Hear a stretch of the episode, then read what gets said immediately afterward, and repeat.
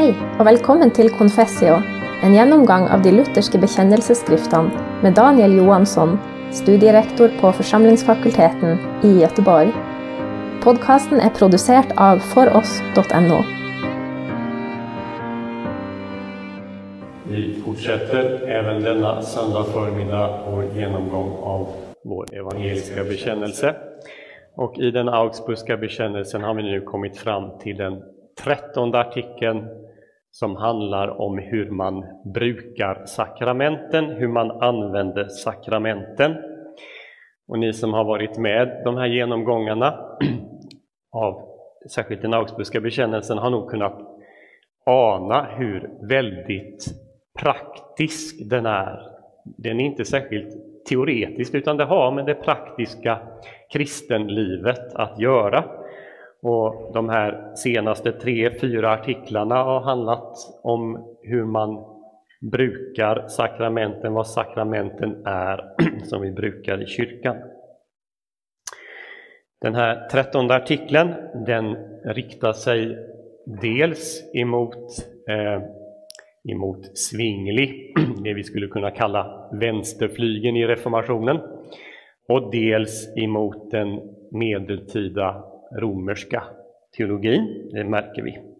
Man kan också säga att den här trettonde artikeln sammanfattar saker som vi redan har talat om när vi har talat om dopet och nattvarden.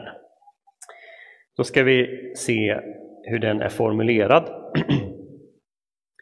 Om bruket av sakramenten lär de att sakramenten inrättats ej blott till att vara tecken varigenom man avlägger bekännelse för människor, utan fast mer för att de skulle vara tecken och vittnesbörd om Guds vilja med avseende på oss, givna till att väcka och stärka tron hos dem som mottar sakramenten. Därför bör sakramenten brukas på det sättet att en sådan tro är med som tror löftena vilka genom sakramenten tillbjuds oss och ställs oss för ögonen.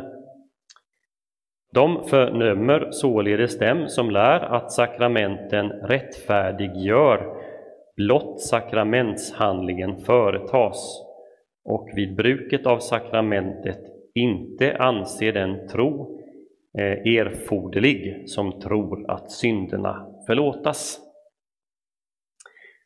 Om ni nu skulle ha texten framför er så skulle ni se att den sista paragrafen, de fördömer sålunda de som lär att sakramenten rättfärdiggör, eh, om man bara genomför sakramentshandlingen, den står inom parentes, inom hakparentes. Eh, den lär inte ha funnits med i Augsburgska bekännelsen när den lades fram för kejsaren, men infogades i den tryckta versionen. och att den inte har funnits med, det kan man förstå av det romersk-katolska svaret på den här artikeln, för det fanns inte särskilt mycket kritik. Eh, men det som står inom parentes, det här är starkt kritiskt emot hur man förstod sakramentet under medeltiden och hur man kom att fortsätta att förstå det efter Trientkonciliet, det stora romerska motkonciliet. Då ska vi se lite närmare på vad som står här. Det jag läste först, det är riktat emot den schweiziske reformatorn Ulrich Zwinglis syn på sakramenten.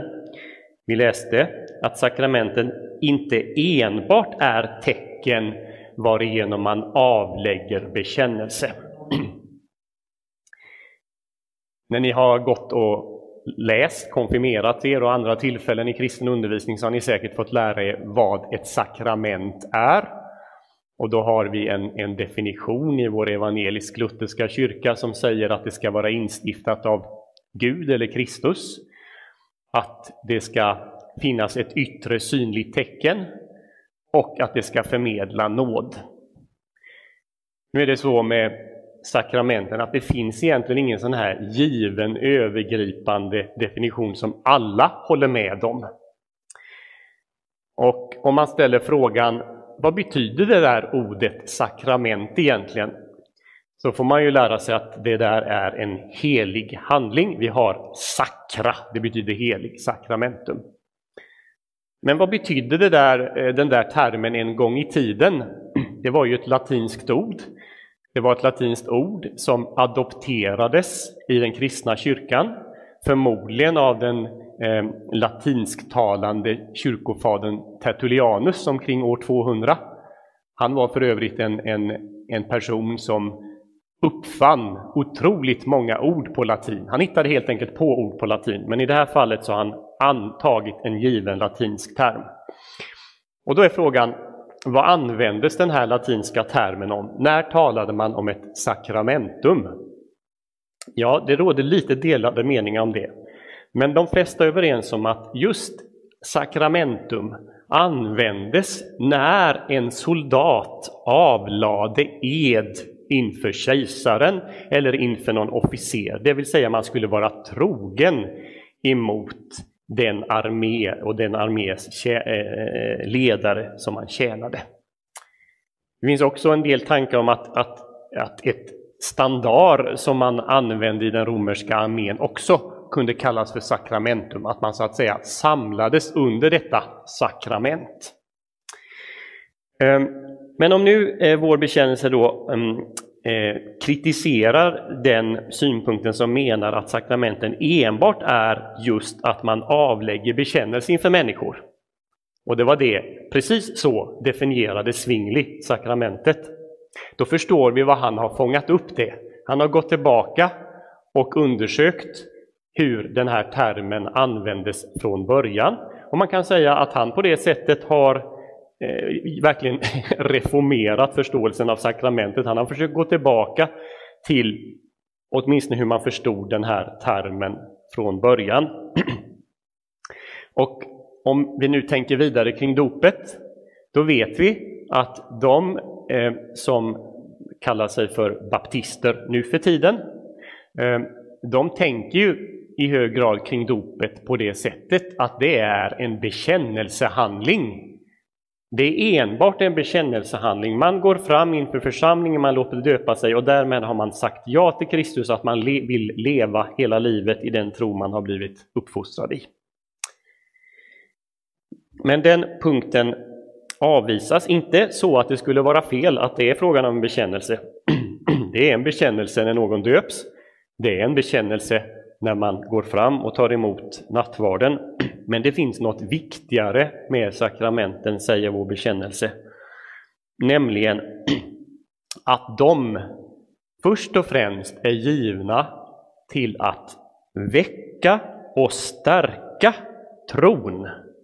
Och då är vi tillbaka till det som ni har märkt i genomgången i Augustana, att det hela tiden kommer tillbaka till det här att vi kristna ska kunna ha en förtröstan på Gud och en trosvisshet, en övertygelse att vi genom tron får vara Guds barn, att vi inte ska behöva tvivla om det här, utan att vi ska få vara Guds glada barn. Sakramenten vill stärka tron, den vill väcka tron.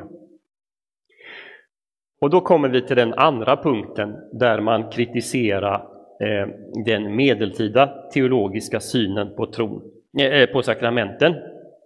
För man säger så här, att sakramenten ska brukas på det sättet att en sådan tro är med som tror löftena.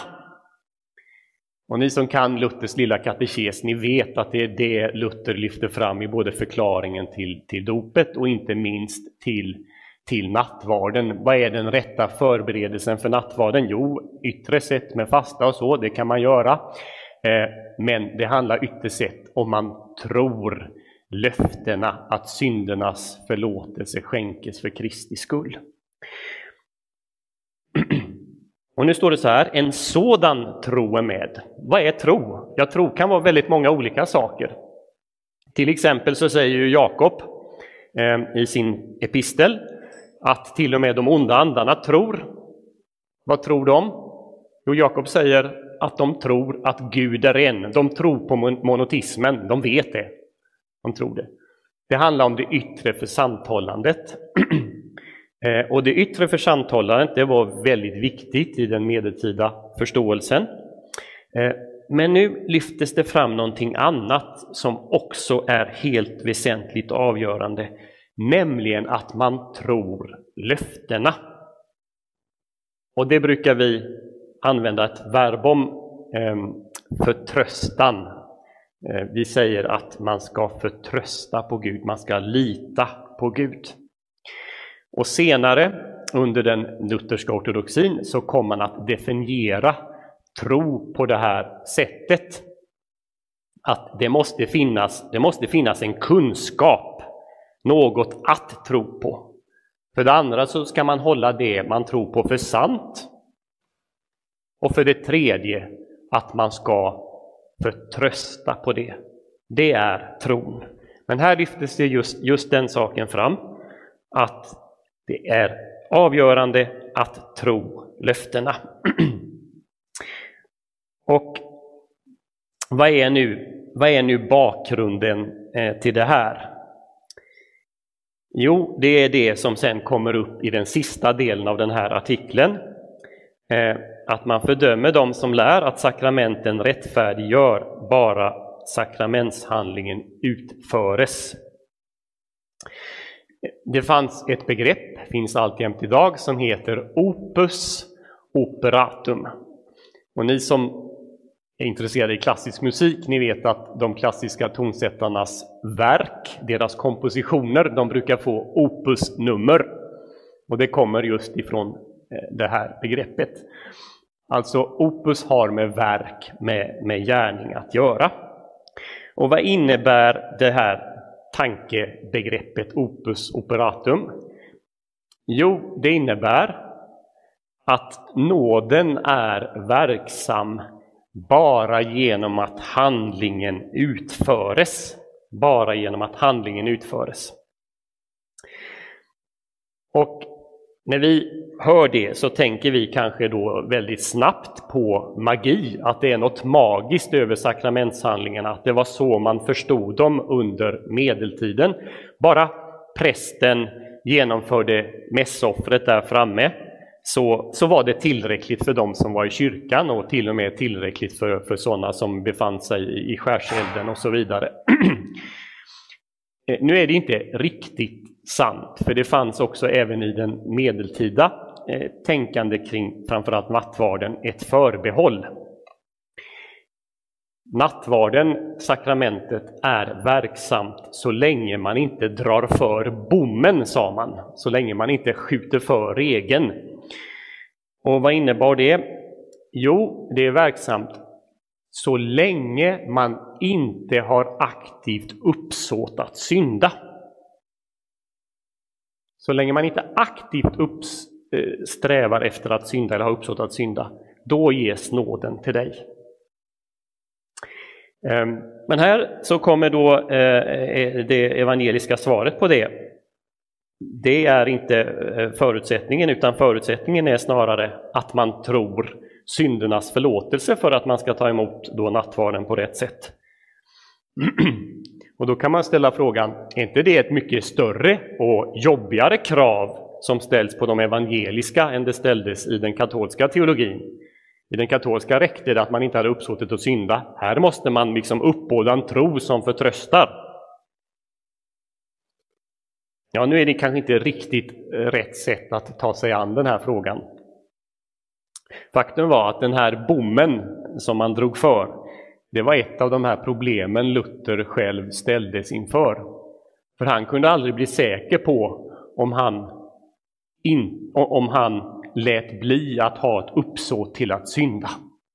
Så det ställde honom inför en enorm vånda. I den evangeliska uppfattningen så handlar det snarast om att ett, ett Guds möte, ett möte med Kristus. Här kommer Kristus med sin nåd. Den räckes oss genom bröd och vin, genom hans kropp och blod. Och när den räckes ut så räcker det för oss att ta emot det i handen och förtrösta på och lita på att det är just vad det säger att det är. Det sker någonting när det räckes, det sker någonting när Guds ord förkunnas.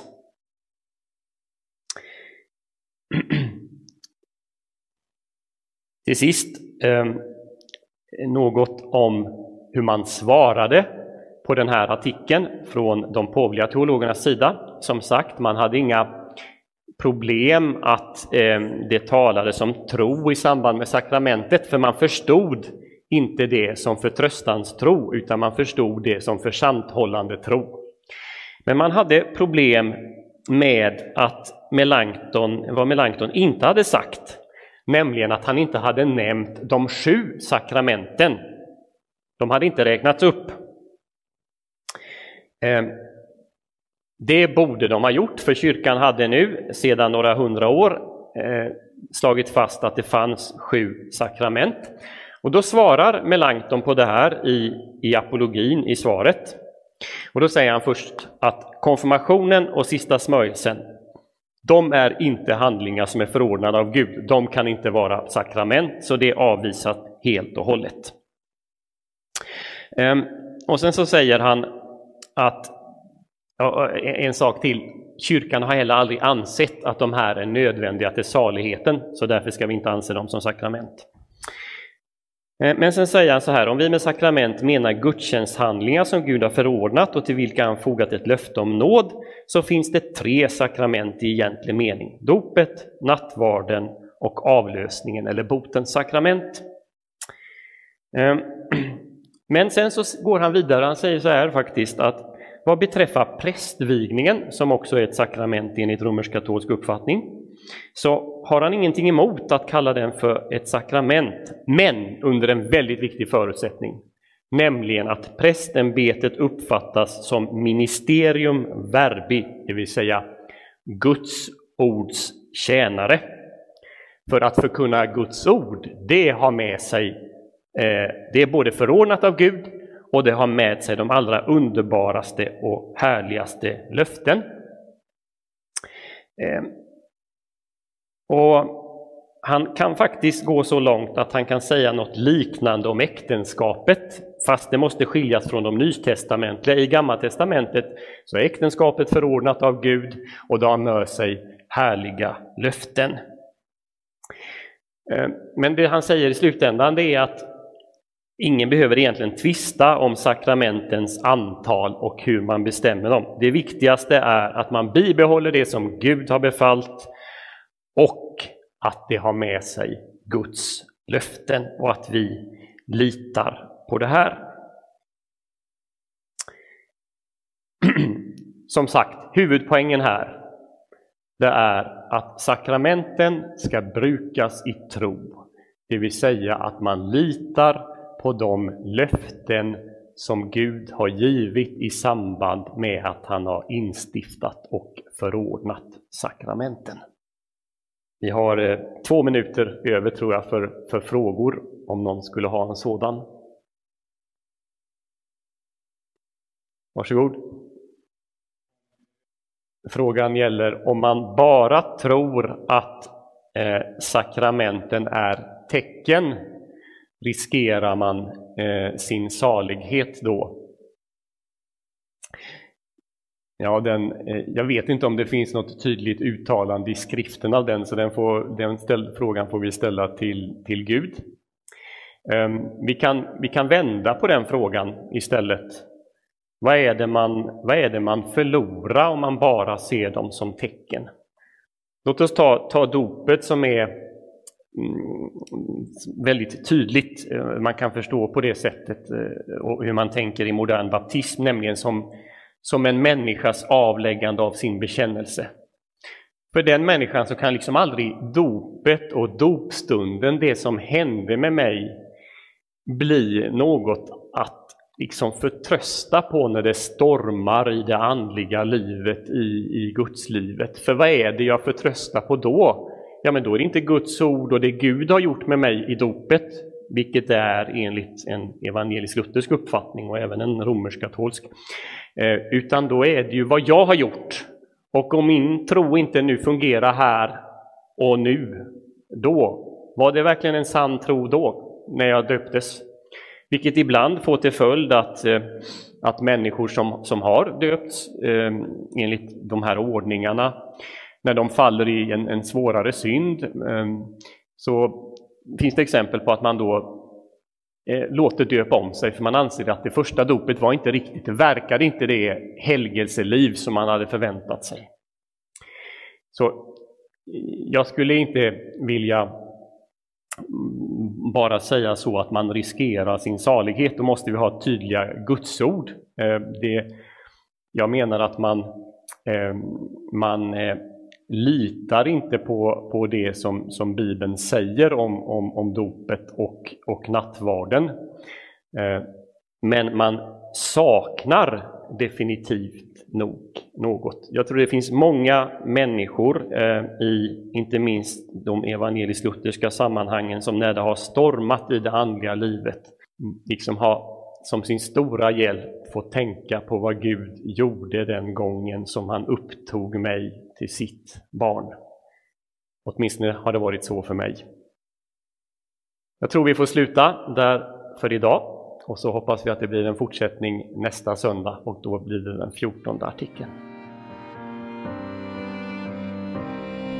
Tack för att du hörde på Confessio. Vi tillbyr också andra podcaster, för exempel Table Talks, som går igenom alla söndagstexter i kirkeåret. Besök oss gärna på foross.no.